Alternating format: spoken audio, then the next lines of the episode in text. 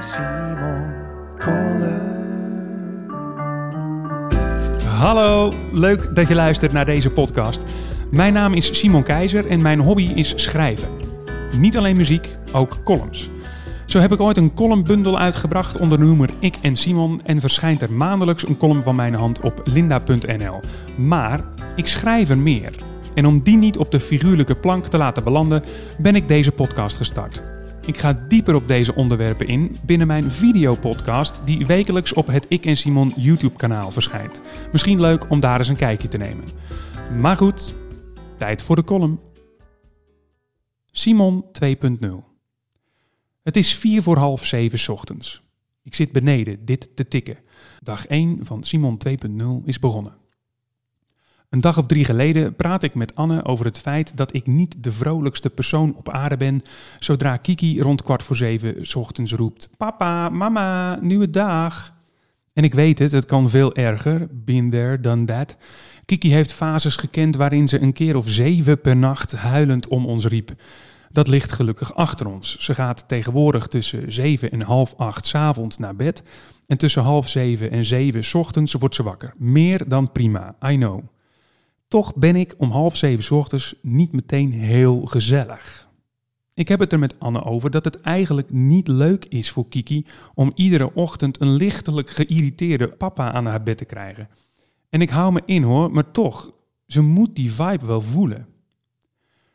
Of het zo moet zijn, loop ik twee dagen later tijdens mijn avondwandelingetje door het Volendamse Boedenspark met een koptelefoon op naar een podcast van Joes en J te luisteren, waarin host J, Pepijn Lane, zijn situatie en tevens mijn oplossing bespreekt. Hij is vader van een zoon en wil voor zijn zoon de dag graag leuk beginnen.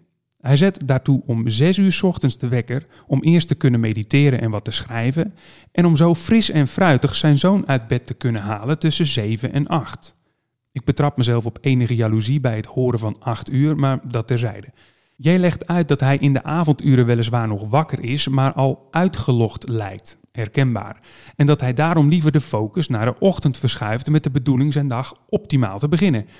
Als aanvulling zegt hij dat hij in die eerste uren vooral niks wil moeten. Hij begint met meditatie en klapt dan zijn laptop open om te schrijven.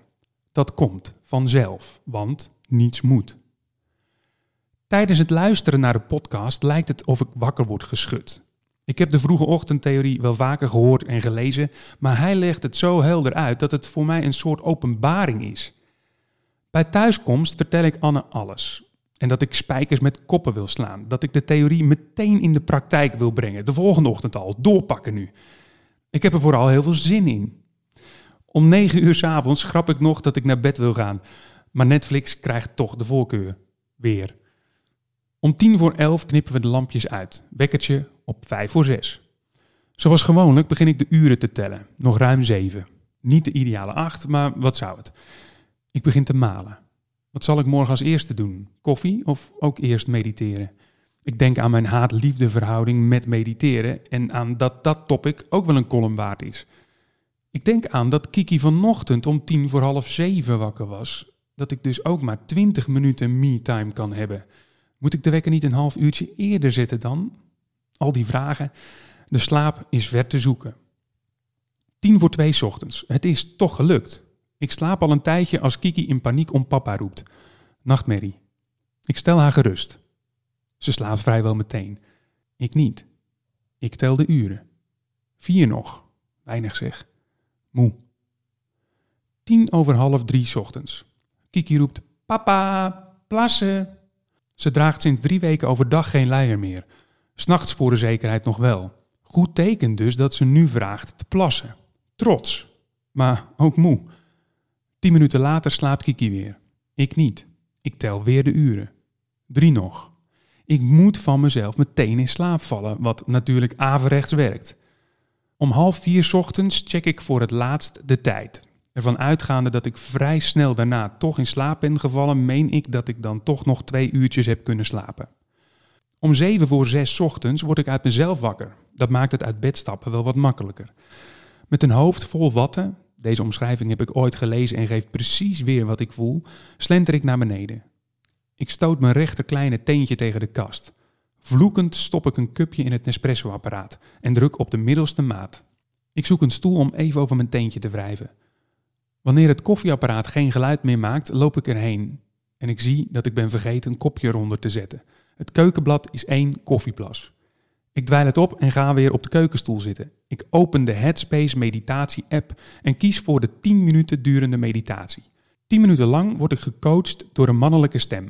10 minuten lang probeer ik niet aan mijn zere teen te denken, dus denk ik 10 minuten lang aan mijn zere teen. Na de meditatie klap ik mijn laptop open. Zal er een column tot mij komen, zoals J dat in zijn podcast omschreef? Ik begin. Ik kom tot de regels. Het is vier voor half zeven ochtends. Ik zit beneden dit te tikken. Dag 1 van Simon 2.0 is begonnen.